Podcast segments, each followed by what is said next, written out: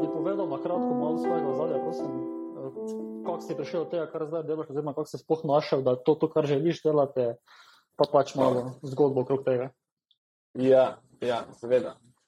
Torej jaz, če pogledam na hitro nazaj, eni približno deset let sem v spletni prodaji, nekaj takega.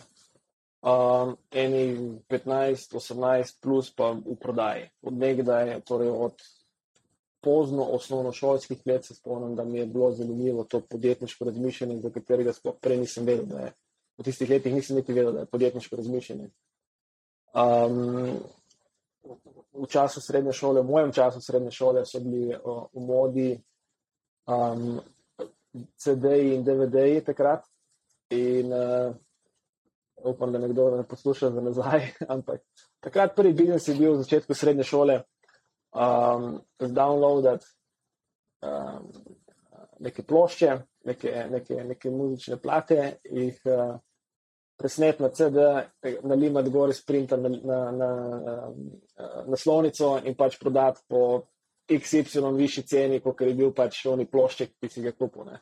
To so bili moji prvi začetki. Mm -hmm biznisa in prodaje, in sploh ni šlo tako slabo, moram reči, v tistem prvem, drugem letu, ko so prišli DVX filmi in tako naprej, se je stvar nadaljevala. Uh, tako da nekdaj sem imel ta, se, se mi zdi, da sem imel ta občutek zanimiv prodaje, izmenjave informacij um, uh, in ta pril um, podjetništva. Um, kasneje sem še ugotovil, da za tem stoji neke vrste psihologija prodaje, da je to tisto, kar me pelje naprej, kako ljudje razmišljamo, kaj se dogaja takrat, ko so neke stvari predstavljene, pa na kak način so predstavljene, pa kak prenos energije in ena zadnje. In uh, ko se stvari premaknejo zdaj na splet, je pa še toliko bolj zanimivo, ker ni te osebne note. Da mi dva se zdaj vsaj vidva, pa, pa slišva, kar je nek umestni korak. Če bi bila v živo, bi bilo še toliko lažje, ampak če si pa ti online, Če drugače. Ja. Samo berejo tvoje besede, je pa to čisto druga zgodba. Uh, in je ekstremno, vsaj meni osebno, zanimivo, kako na kak način sporočaš kakšne informacije dotičnemu človeku v njegovem nakupnem procesu, da pride do nekega zaključka. Uh, od, torej od, od unih začetkov sem potem prišel skozi leta do tega, da, da je ta informacija zelo zanimiva, potem se je bilo izobraževanje uh, in, in učenje, in tako naprej, zadnjih deset let na spletu. In to je od affiliate marketinga, s katerim sem začel, ki je bila moja prva ljubezen skozi email marketing, skozi um, razne sodelovanja, promocije.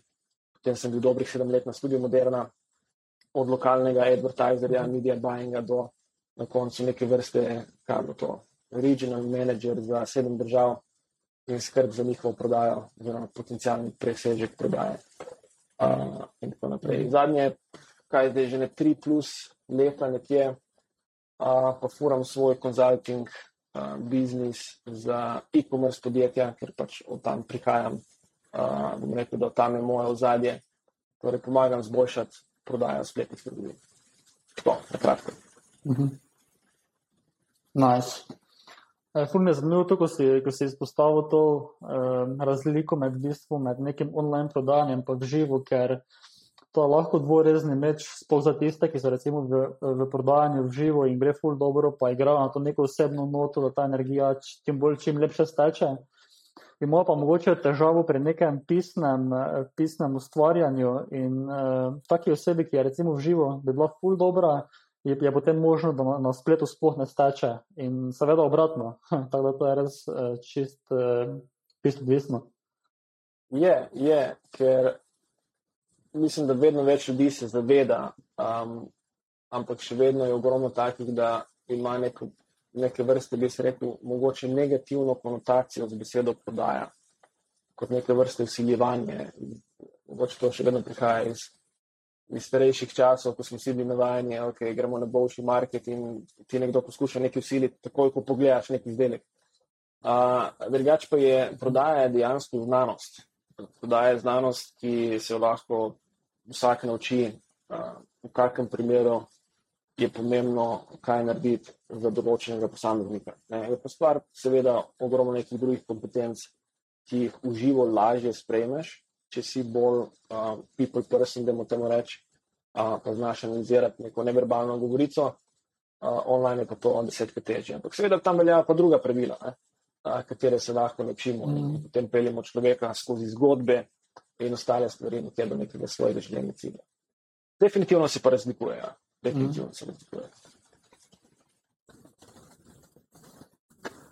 Uh, evo, če se zdaj gremo kar na prvo pravilo, ki si mi ga, si mi ga izpostavil, in to je zaupaj svojemu notranjemu občutku. Ja. Kakšna je zgodba za tem? Cool. Uh, Neci samo na začetku, predne greva skozi pravila, rečem, da je bilo prav tako malo triki vprašanje. Kako sem pomislil, ne? Uh, uh -huh. Jaz bi mogoče lahko tleti naštel 20 plus pravil, kar se tiče mene skozi izkušnje. Um, uh, če, če se zdaj osredotočimo na biznis, ko se nekaj dogaja, pa ko nekaj testiraš, pa ko nekaj ugotoviš, da deluje, pa nekaj ne deluje, si samo osnuješ v življenju, kaj deluje za te, kaj ne. In se mogo se prav malo potruditi, da izberem jih pet ven, uh, tistih, ki recimo, da so bolj pomembna od drugih. Ampak zdaj ni, da sem jih razvrstil od najbolj pomembnega do najmanj pomembnega, pač nekako sem jih mogel navesti.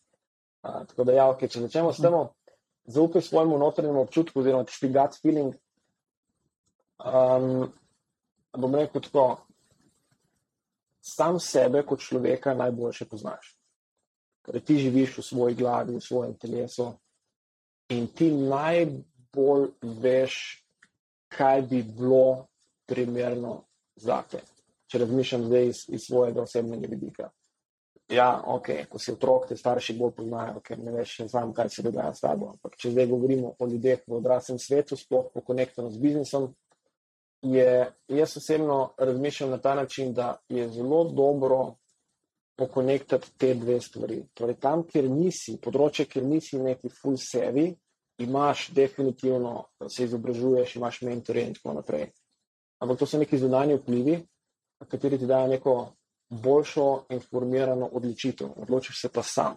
Je pa poslušati svoj gut feeling proti nečemu drugemu iz zunanjosti, je pa tista stvar, ki, če, če samo razmišljam skozi anekdote a, svoje biznis poti, bi je naredilo najboljše do zdaj. Marsikdaj sem poslušal druge, marsikdaj sem poslušal sam sebe, ne na zadnjem na koncu, če dam na vago, so odločitve iz, iz mojega tega notranjega občutka vedno na dolgi rok nekako prenesli boljše rezultate. Pa ne govorimo samo o biznisu, ampak vse na splošno.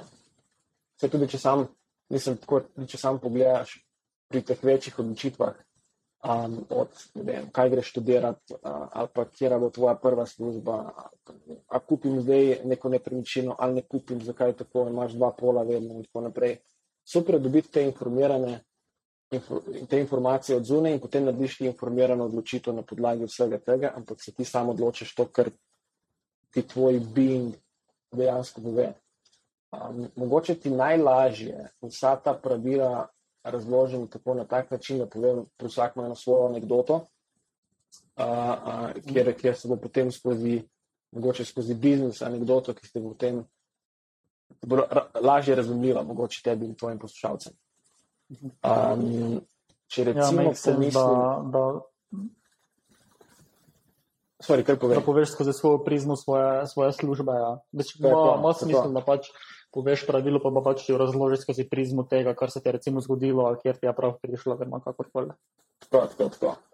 Uh, zdaj bom rekel tako. Recimo, skozi leta se človek že pozna tudi pri velikih odločitvih, kaj je za njim potrebno ali pa vsaj jaz mogoče preveč analitično razmišljam v tej smeri.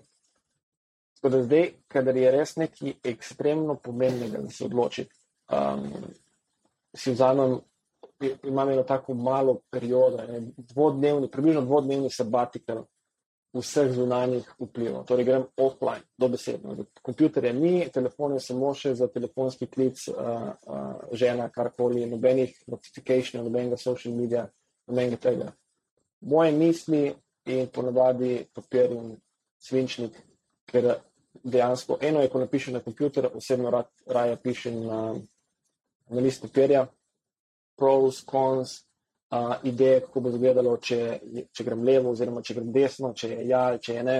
In na ta način, v bistvu, nekje dva dni, vabi moja glava, govorim zdaj zase, seveda, da zgubim mhm. vsa zunanji baz in dejansko slišim to svojo notranjo odločitev. Uh, in na podlagi tega, zdaj recimo, da to prakticiram že zadnjih par let, lahko rečem samo, da ta neka mini ritual mi omogoča, da odločitev, ki jo sprejemam, je res samo moja. In, in uh, z vsemi podatki, ki sem jih takrat dobival, oziroma pogovor s strokovnjaki, če je šlo za nekaj, kar, kar nisem vešč, ali pa pogovor z nekimi kolegi, ki so v neki drugi, ali pa v isti branži, da, da dobim različne mnenja, ampak potem vse to daš na kup, odločiš se sam, a, a, res po občutku. Um, če bi to preslikal mogoče na tvoj biznis, ne, um, recimo, um, kako se reče, tvoj mentor oziroma nekdo, ki ti pomaga, Klemen, ne, ker je, ker je uh, uh -huh. top of the top o slovenski podcast. Ne je pr prvi poslušal v Sloveniji, mislim, da ne. Mhm, no, recimo, ja. vidva debatira sta določene zadeve, on ti nekaj stvari svetuje vrhunsko, verjamem pa, da se sam odločiš, kje goste boš pripeljal, pa kjer, kje boš dobil neka razpotja, pa ne vem, z novim letom, kam boš začel, kjer osmer pa tako naprej. Uh, tako da ta zunanji vpliv ima veliko moč dan danes, se mi zdi, na vse naše odločitve, social medije, televizija, a, kaj govori a, nekdo drugi zraven v službi, peer pressure, ne na zadnje. A, in, in težje mogoče slišimo ta notrni feeling, da se odločiti, um, kot bi ga sicer, nočem zdaj pulj zabluziti psihološko pri tem vprašanju, ampak na koncu, ko se odločiš, pa če je outcome kasneje good or bad, če si se odločil na podlagi sebe, svojega pravega občutka, je po mojem mnenju veliko, veliko, veliko boljše, kot pa če si poslušal nekoga drugega. Torej, če zdaj vse skupaj povzamem, če poslušam mhm. Vnaprej samo še svoj gut feeling za vse biznes odločitve, po statistiki sodeč nazaj, lahko rečem, da bo v večini primerih veliko boljši, kot pa če bi poslušal karkoli drugega iz zunanjega vpliva. Tako. Uh, verjamem, da to pri vsakem dru, čist drugače, ampak moje vprašanje je zdaj, kako recimo ti ločiš med tem, kar dejansko je ta gut feeling, pa med tem, uh, kar je dejansko iz ega, ko razmišljaš, recimo, ka, ko kombiniraš te neke zunanje dejavnike, pa ti pol to ego puša naprej. V tvojem primeru si rekel, da si vzameš dva dni na off, internet, uh, social media, v glavnem vsaj sklopiš. Ampak kako na koncu, eh, na koncu ugotoviš, da, da to pa zdaj res prišlo iz, iz globin eh, tvojega razmišljanja, pa da je to to? Vrhunsko vprašanje. Um, po mojem, simple answer ga ni tukaj. Um, Lik zaradi tega sem uporabil to varianto neke vrste sabbatical vseh zunanjih vplivov, da poskušam razvrednotiti vse ostalo, kar, kar, kar hodi okrog moje glave, in ne na zadnje, mogoče tudi nekje svoj ego, da potem res slišiš ta svoj gut feeling, če ga lahko tako poimenujemo. V upanju, da ta strategija je ta prava tudi zato, nekako se kaže, da ja. Zdaj, dejanske formule, če je katera odločitev prišla bolj iz ega, aha, ok, mogoče pa to boljše, zdaj ta moment, ker načrtujem, da bo tako in tako in tako in tako, na mesto neki bolj long term, ki je še za koga drugega kot samo zase, je pa mislim, da nekaj, kar ne verjamem, da ti znam zdaj odgovoriti. Um, mogoče čez pet let, ko se pokaže rezultat določene odločitve. Mhm. Torej, čisto na vsakem posamezniku, da, da to ugotovi. Ja. Ja, mislim, da že samo občutek, da ja, imaš prav, ekstremno, to je ekstremno osebna a, a, oziroma subjektivna zadeva, ampak mislim, da že samo občutek, človeka, ko se odloči za neki, notri vse, globoko v sebi ve, to je moja odločitev ali pa ni moja odločitev. Tako kot vsak ve, karkoli, že, kakorkoli odločitev že sprejme, ve, če je dobra ali pa mogoče njih ni najboljša. Vsak točno ve. Čeprav je kje druge napisano drugače ali pa jo oglašuje drugače v sebi, jaz verjamem, če sklepam vsaj po sebi, da vsak posameznik ve, da okay, je to zraslo na mojem zemljiku ali to prihaja iz kje druge, oziroma ta odločitev bo res gud za vse sodelujoče, vključno z mano, ali ja, najboljše, kar se odločam, ampak moram narediti zase. Ne. Mislim, da vsak notranje ve. In to, ni, to, je, to je ta gut feeling, ki še enkrat, če, če še enkrat ponovim, ne, simpliziram, odmakneš vsa šunder stran, vsa baz odvečen stran, uh, da lahko dejansko slišiš potem svojo glavo. Tako občutek, imam tukaj. Uh, rezultati nekako lahko rečem, da sem vesel, da prikazujejo to smer. Mhm. Nice. Drugo pravilo, ki ste ga spostavili, vedno student mind. Ja. Torej, predvidevam, da pač si mi poslal tudi obrazložitev tega, da se vedno, oziroma imaš vedno zmeraj ta začetniški mind, zmeraj pripravljen čiti, da te predvidevam, da te ego ne zmede, da zdaj pa ti vse veš, pa ne poslušaš drugih, oziroma ne napreduješ, oziroma sam sebe zaustavljaš pred tem, da bi napredoval. Tako, v bistvu hitro se zgodi, um, spet govorim samo zase. Um, ko mm -hmm. narediš neke hitre dosežke, relativno hitro, bom rekel, zaspiš lahko na lovorikah. In potem stagniraš, oziroma vsi vemo, da stagnacija ni lih tam, kjer si, ker te celoten rast uh, življenja uh, in, in ne nazadnje biznis branže, kjer si včasih prehiti in ti potem spet padaš. In je zelo težko ta uh, snowball efekt spet doseči. Po eni strani. Po drugi strani, ko misliš, da si frajer, ne govori spet, razmišlja tvoj ego in to na dolgi rok niso njih najboljše odločitve. Uh, tako da vsi se učimo cel čas, um, tudi sam se učim biti boljši v tem.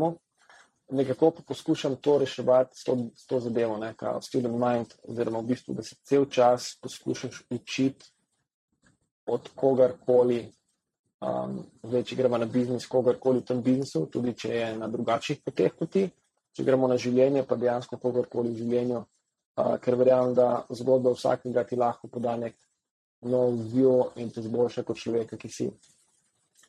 A, tako da, če, če povzamem z eno svojo anegdoto, recimo, ne morem več vsak mesec, kar bo preveč, nekatera leta so bolj, druga manj, ampak če rečem, vsaj enkrat na kvartal, a, da se izobražujem glede neke specifične osebine, torej v mojem primeru neke online marketinga, spletne prodaje, psihologije prodaje in tako naprej, je, je vsaj vsaj enkrat na kvartal. Torej, jaz kupujem ogromno nekih kursov, nekih coachingov online, a, a, od teh mojih, zdaj, če jih razdelimo na, na ogromno nekih podkategorij, od vem, novih um, pristopov za oglaševanje, neke nove platforme, email marketing, psihologija, prodaja, prodaja na splošno.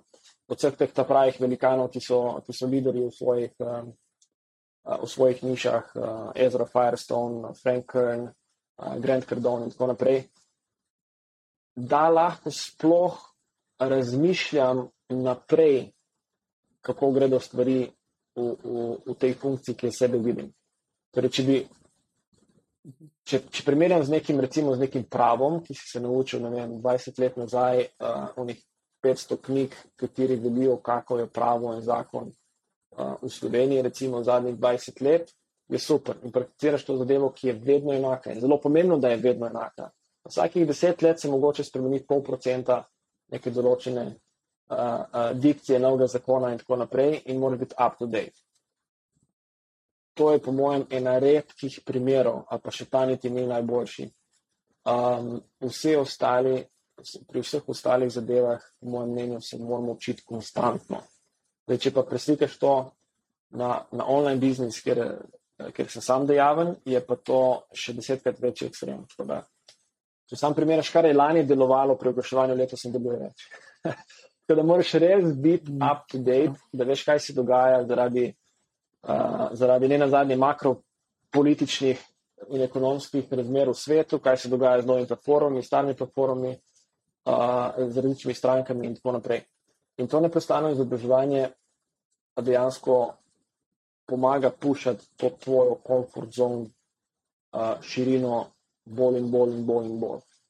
Ker um, vsakdo izmed nas, tudi sam, imamo tendenco se rad pohvalimo, ja, le, in se pa izobražujemo posod in tako naprej. To je ena stvar, to je super.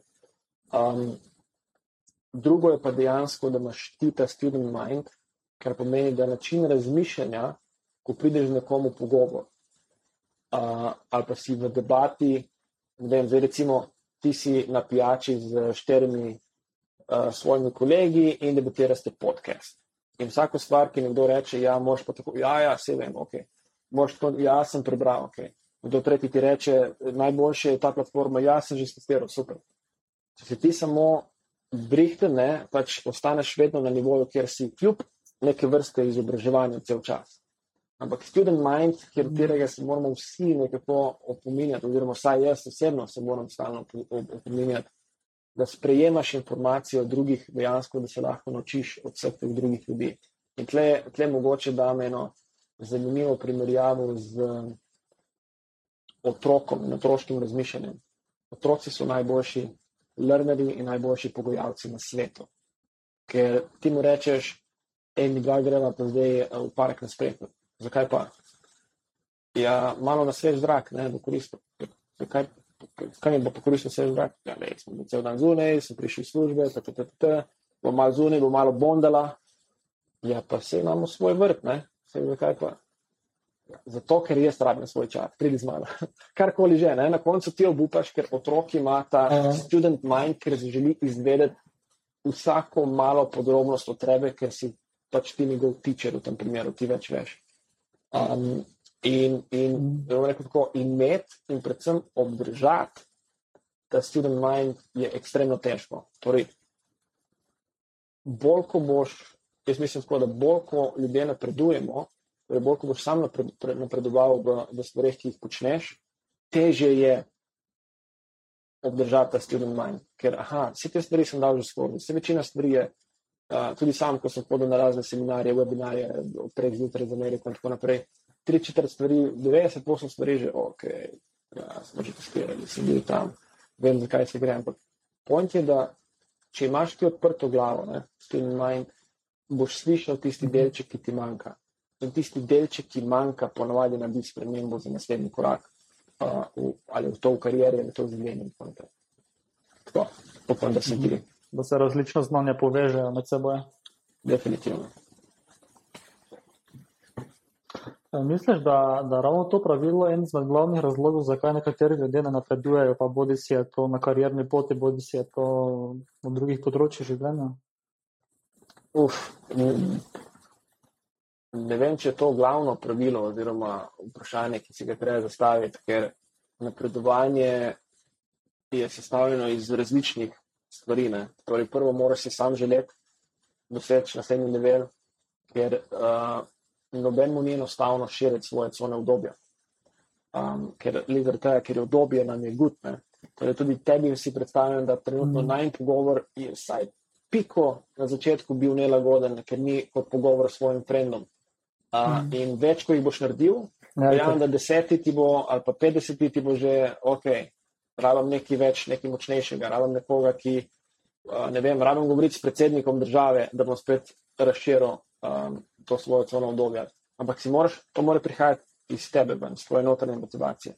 Torej, ljudje, ki si ne želijo uh, širiti cono obdobja, avtomatsko zelo, zelo, zelo težko napredujejo, ker jaz nekako je način, da če si ti v coni obdobja, je ekstremno težko, da boš napredoval v življenju, ker vse se nahaja na drugi strani cone.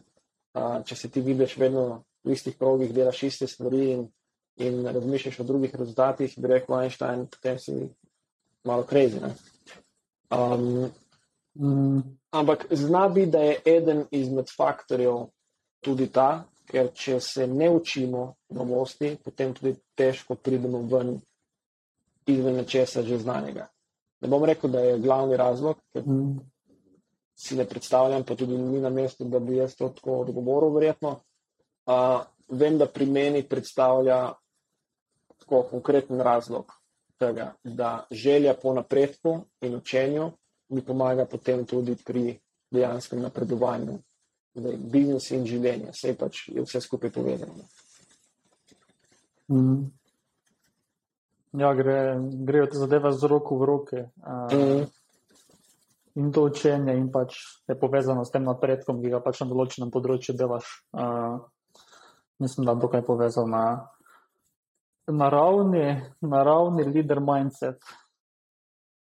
Ja, Naslednjo pravilo, ki si ga ja spostavil. tako, sorry za te slovensko-angliške povezane in zmiksane izraze, ker jaz ogromno razmišljam o angliščini, ker je tudi ogromno stika, večina stika biznis eh, je, je stojino, torej angliško govoreče zadeve.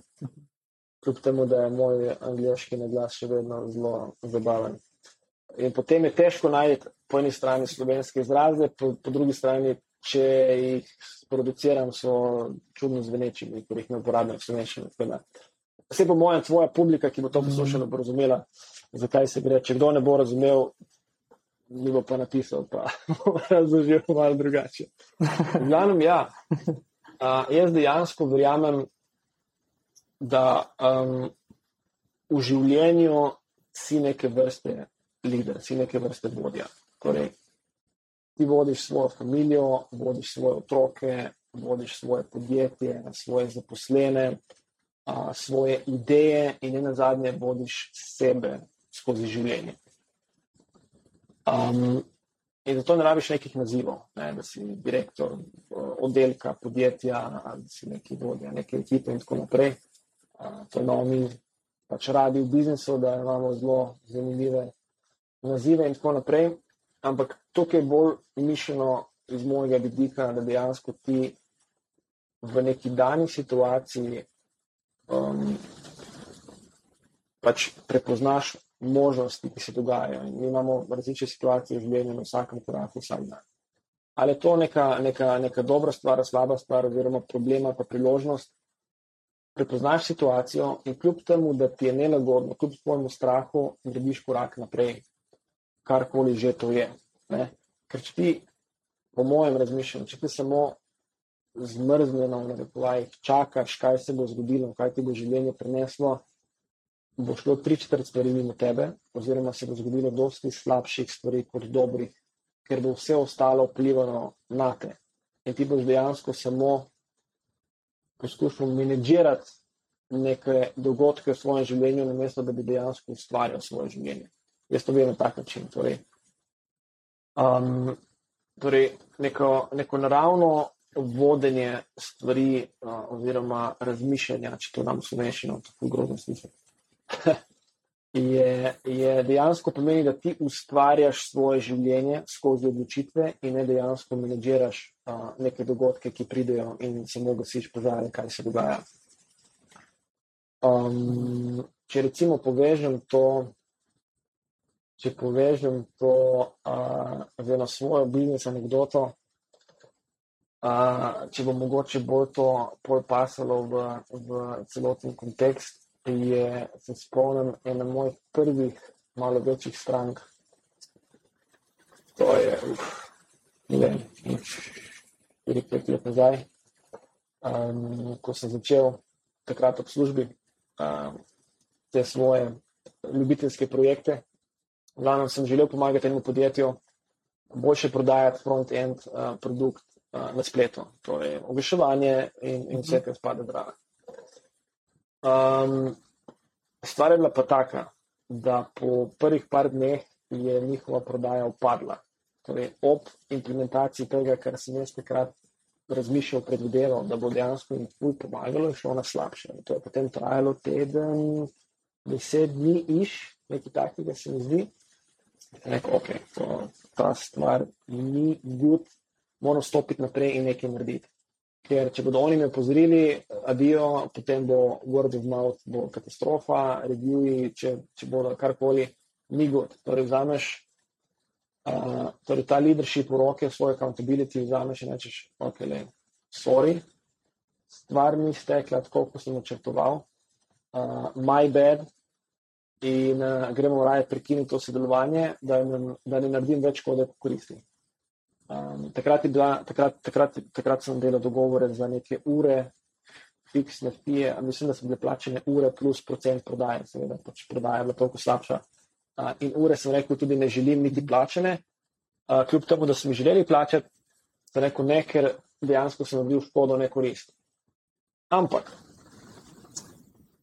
zdaj gledam nazaj, ker sem takrat stopil naprej kot accountable za svoje dejanja uh, na ta način naredil, sem si tako močno želel ugotoviti, kaj je bil ta razlog.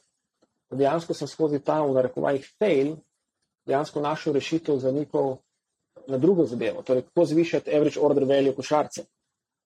In kljub temu, da smo mi prekinili biznis in komunikacijo, sem jaz potem naslednjih tednov dni celotno strategijo jim razložil, spisal, zrisal, implementiral vso prikazal način implementacije celotne avtomatike e-maila uh, in, in kako se vse to naredi, jih nazaj kontaktiral in rekel, hej,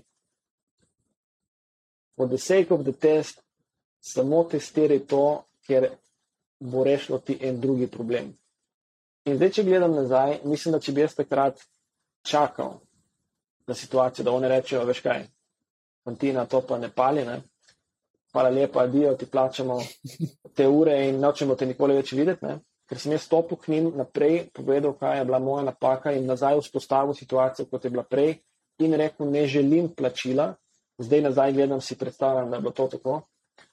Uh, so oni vzeli ta moj drugi nasvet, ga dejansko implementirali in jim je izboljšalo prodajo za ne vem, dvakrat, če ne še več.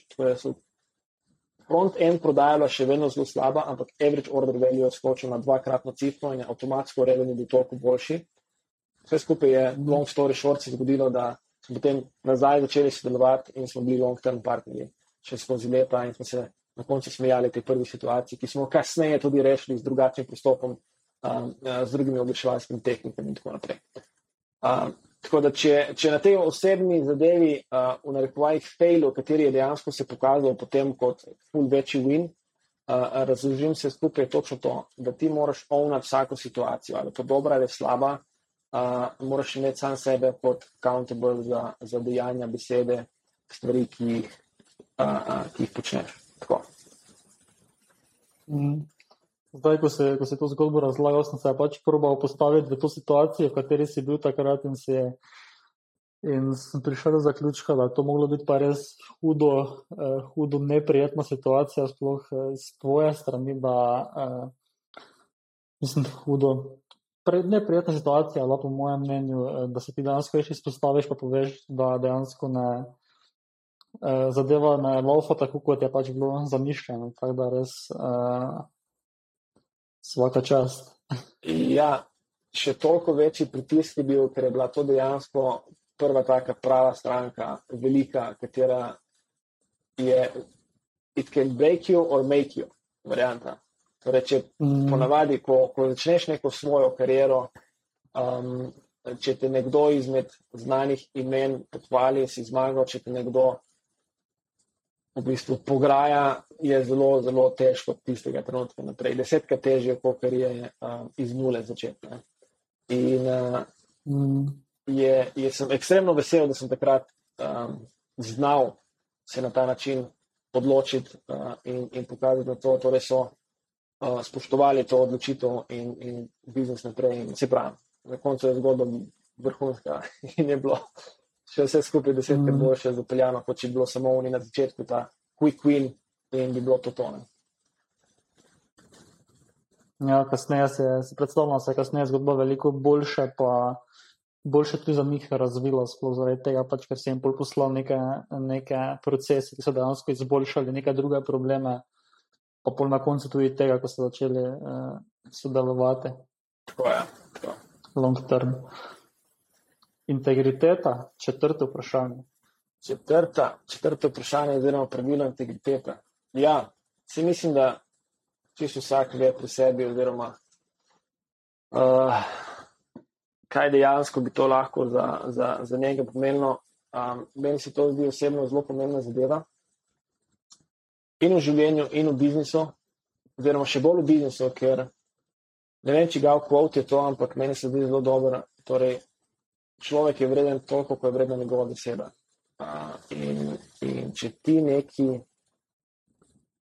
obljubiš, uh, da boš naredil, mora to dejansko biti njeno. Torej, v moji knjigi pravil, ne, če se tako izrazim, uh, je, je beseda ekstremno, ekstremno ogromno vredna.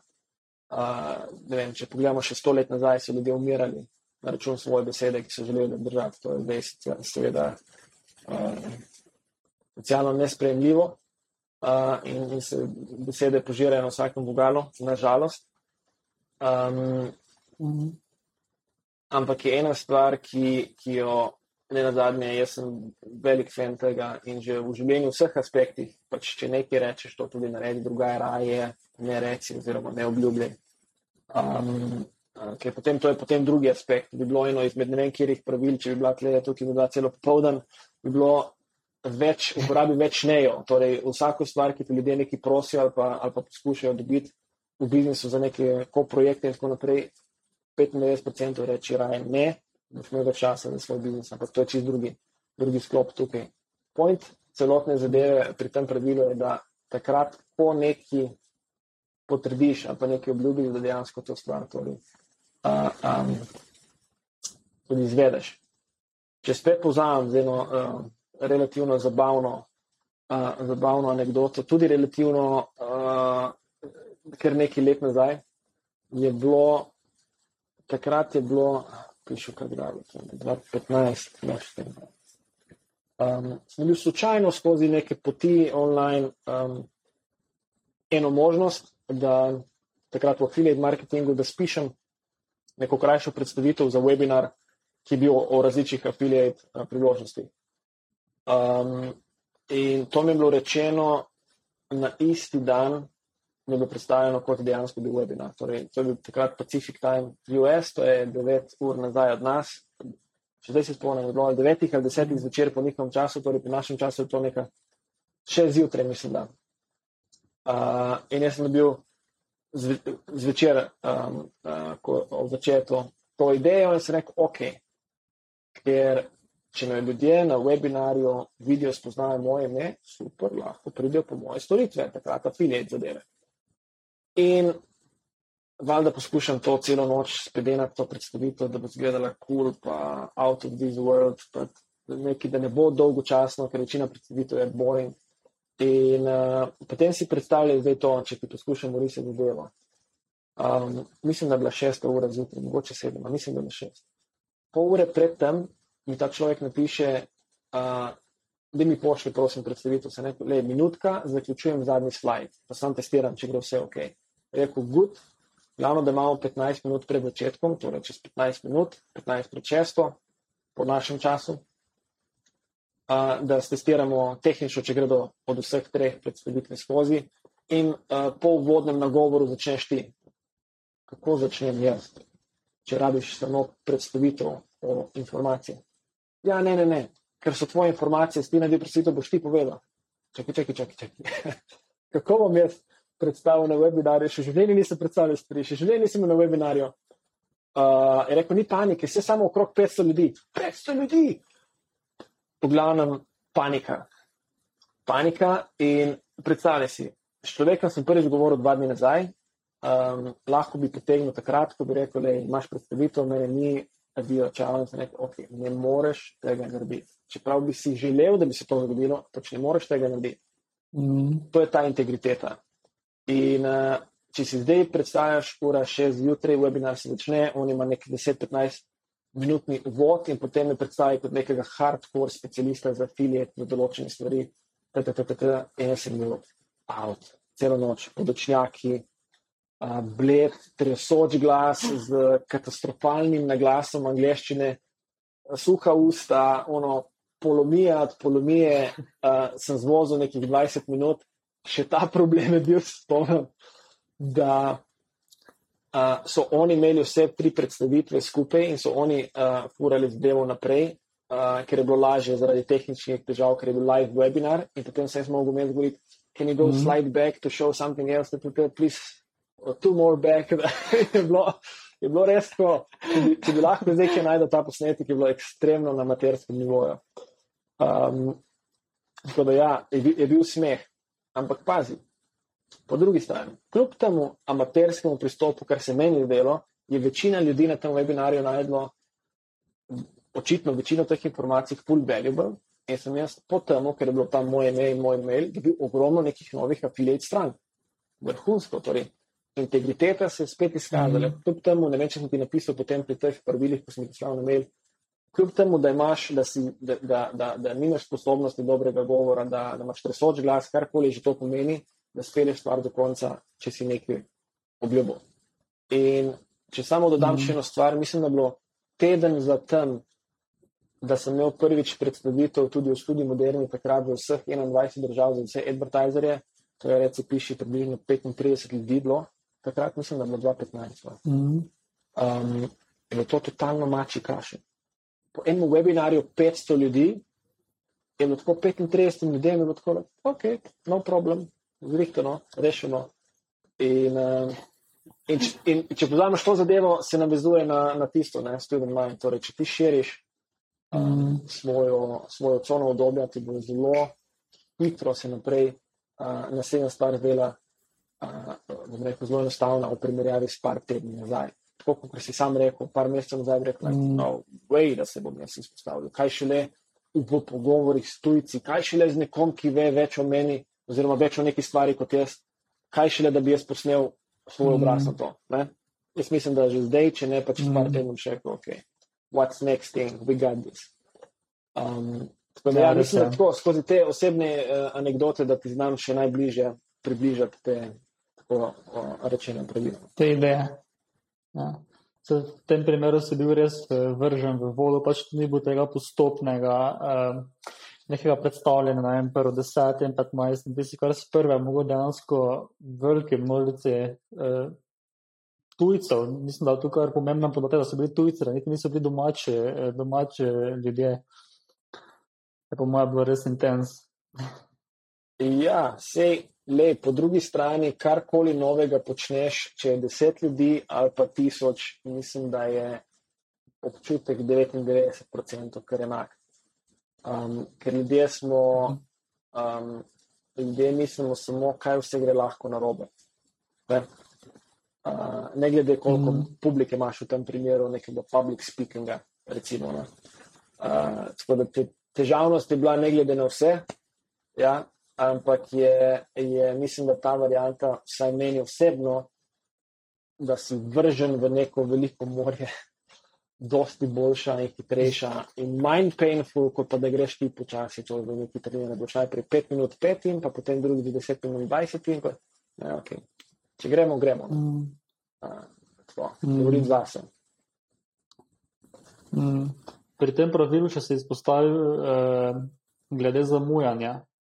Aha, Eh, Vsaj Točno, jaz, ja. ki sem velik fan podkastov, pa, pa raznih člankov, sem pač uspel veliko videti, da nekateri poslovne že pač konstantno zamujajo. Se mi to ne zdi neka, neka taka stvar, ki bi se jo moglo upoštevati. Um, in na to gledajo kot na nekaj, kar sploh, kar sploh ni nekaj narobe, kar sploh ni uh, tako pomembno.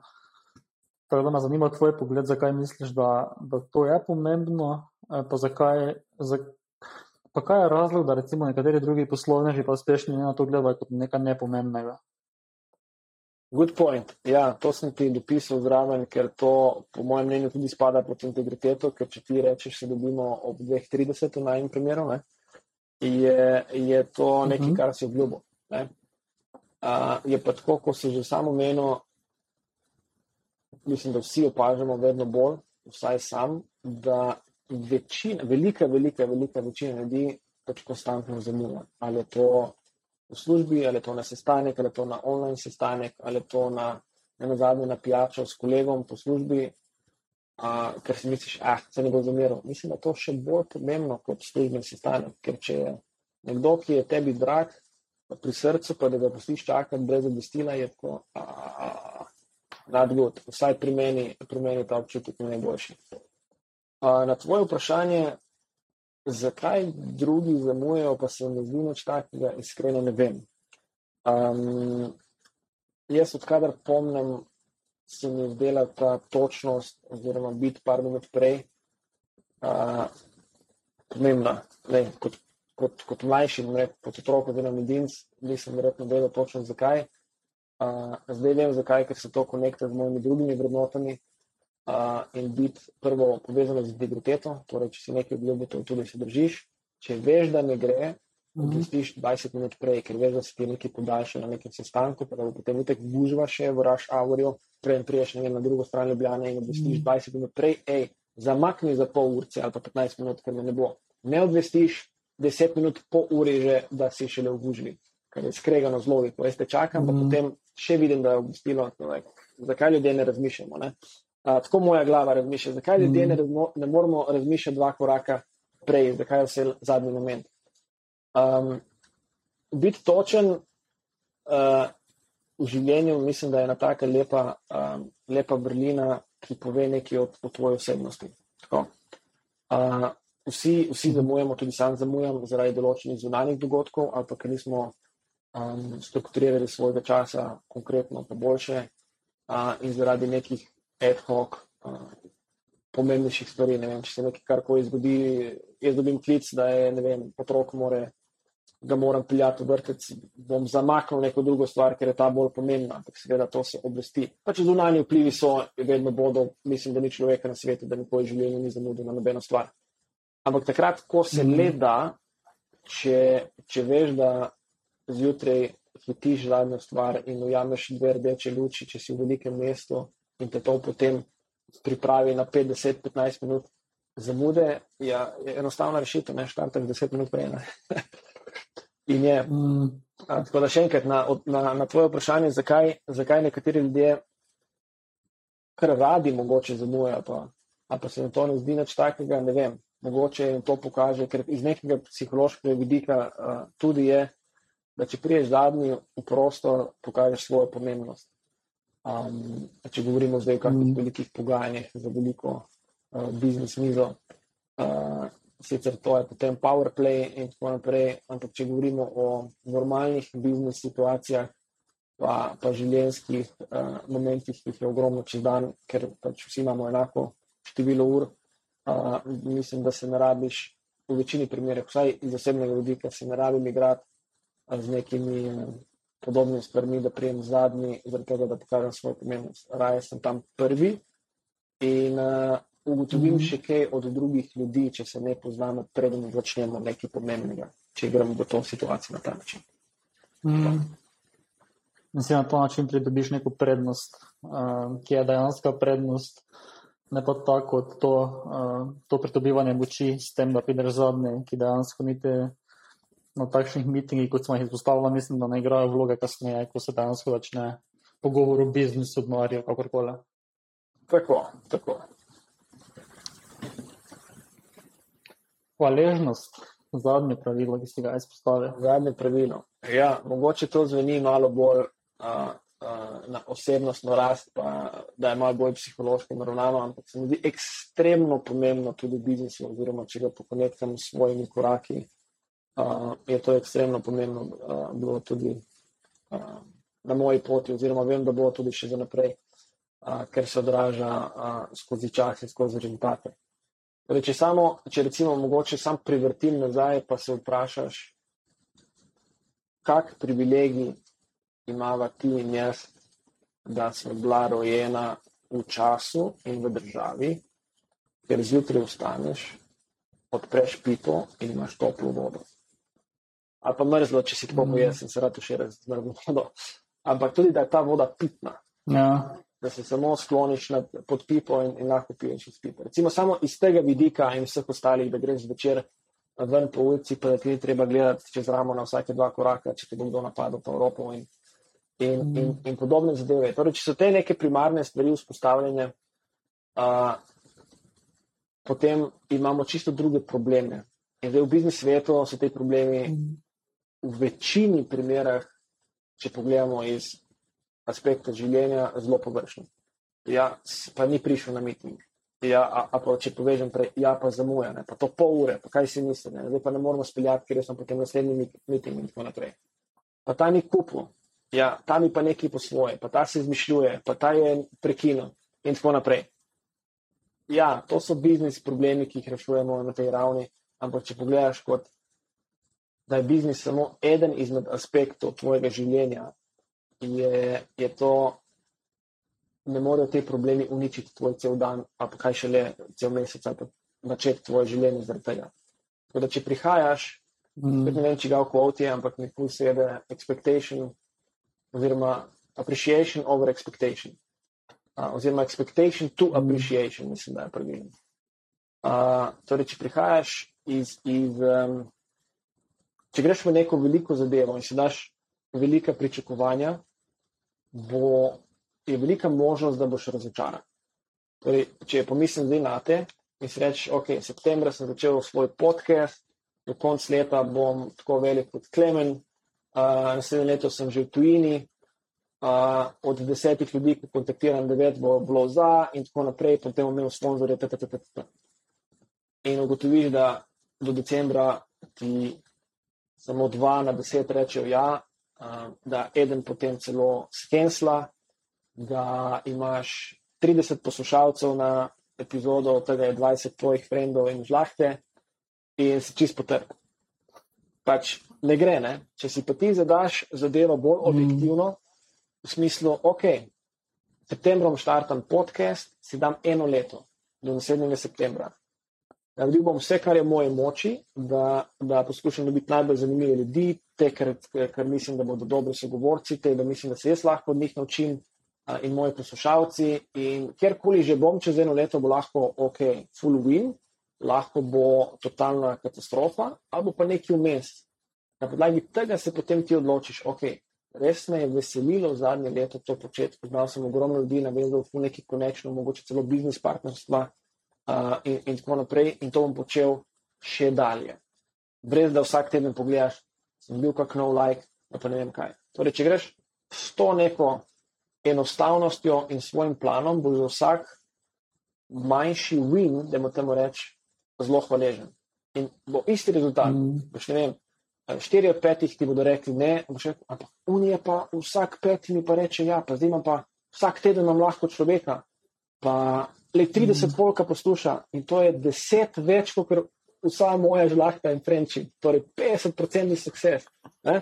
In dejansko imaš te male wine, ki ti pripeljejo dosti boljši pogled na biznis situacijo. Um, mm. Žal je to slišati bolj easy kot narediti. Easy je vse dan. Mm.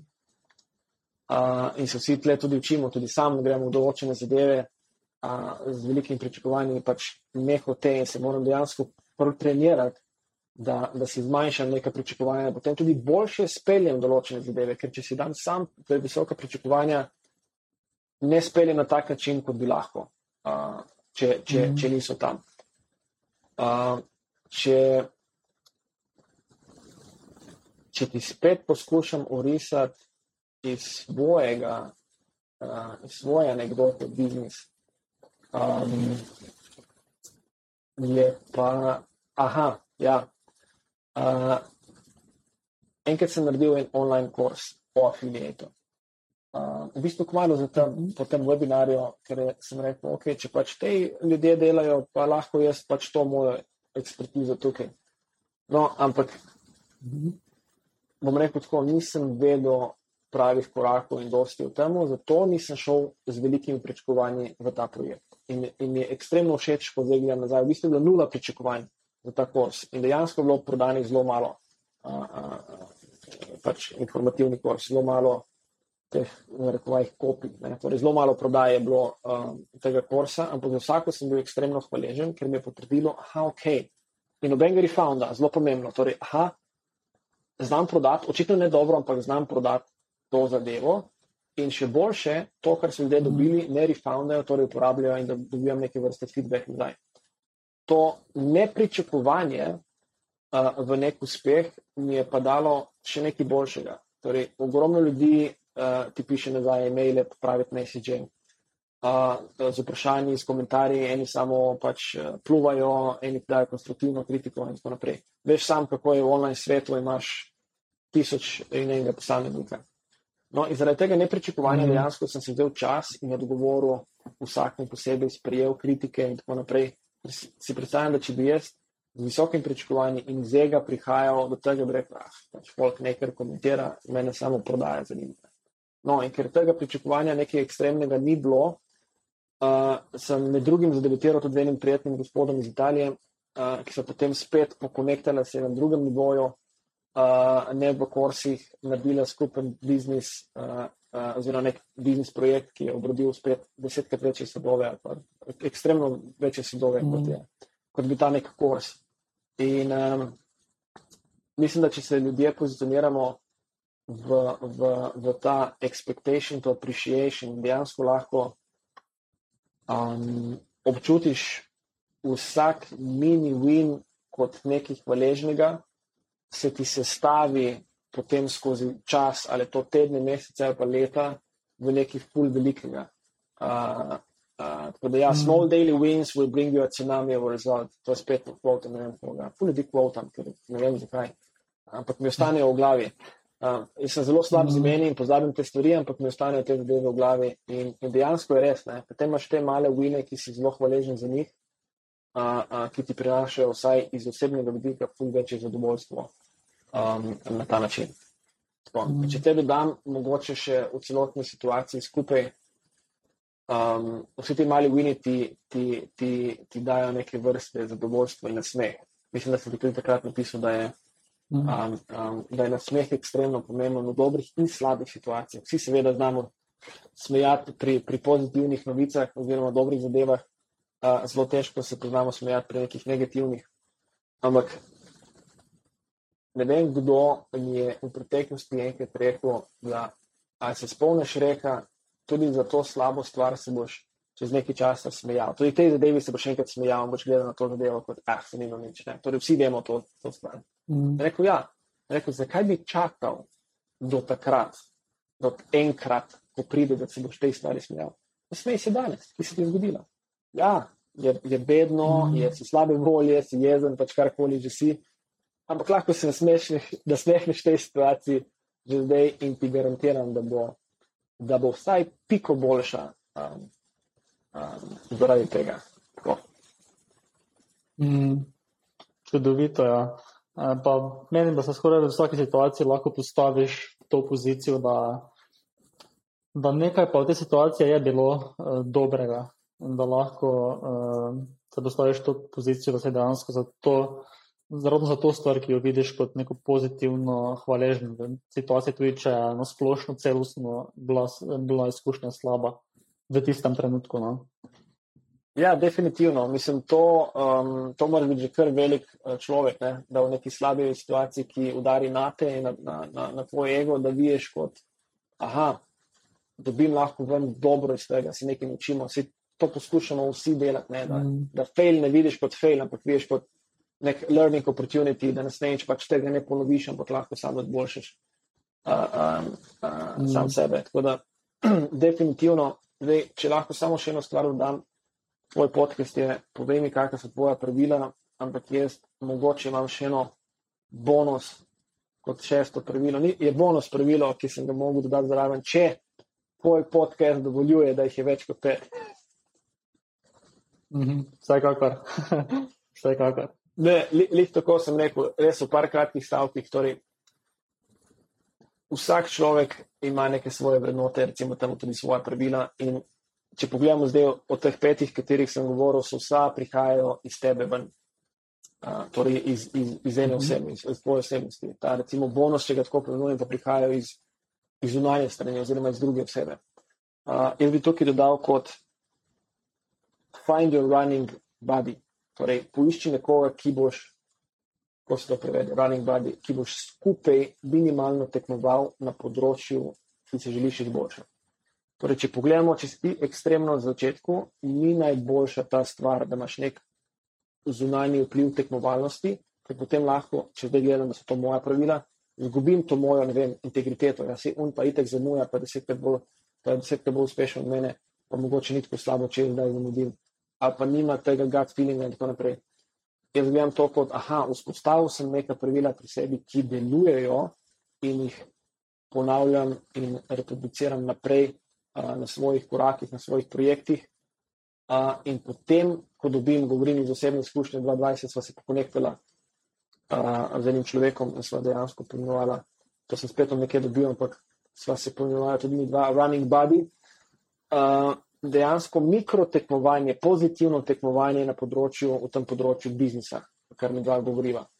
Uh, pa, ne, pa ne v smislu, da jaz sem pa že tukaj, ali pa ne vem, jaz služim toliko, ali pa jaz imam pa toliko klientov. Sva čisto na drugačnih branžih biznisa, totalno, druga, totalno drugačen aspekt. Uh, uh, vse, on sploh nima uh, veze z online prodajo, uh, uh, ampak je ta traction pomoči en drugemu, kaj se dogaja pri njemu, kaj se dogaja pri meni, in mikro tekmovanje, da en drugega bodriva uh, na tem področju, je naredilo ekstremno visok preskok. Um, torej, takrat, ko se ti recimo ne da, ali pa nekaj ne gre, kako bi hotel, pa bi narajo se skupaj opustil nekega projekta, imaš nekoga, ki ti pomaga biti accountable za to, kar si se lotil in da, da narediš naprej. Jaz sem tako srečo, da z njim smo potem tudi na nivoju drugih, family in staršestva, oba sva, oba sva um, bom rekel, mlada starša in se potem na, področju, na tem področju uh mhm. -huh. skupaj nekako mikropozitivno tekmujeva in rasteva na tem področju. Tako da kot en, ene vrste uh, bonus, če imaš, tako mu rekel, če imaš stvari urejene in poštimane, primarno, kjerkoli pravila že tvoja so, meni osebno je to naredilo ful velik preskok na naslednji nivo uh, uh, z nekom takim, -huh. uh, ki je kompatibilen pri, pri uspehu.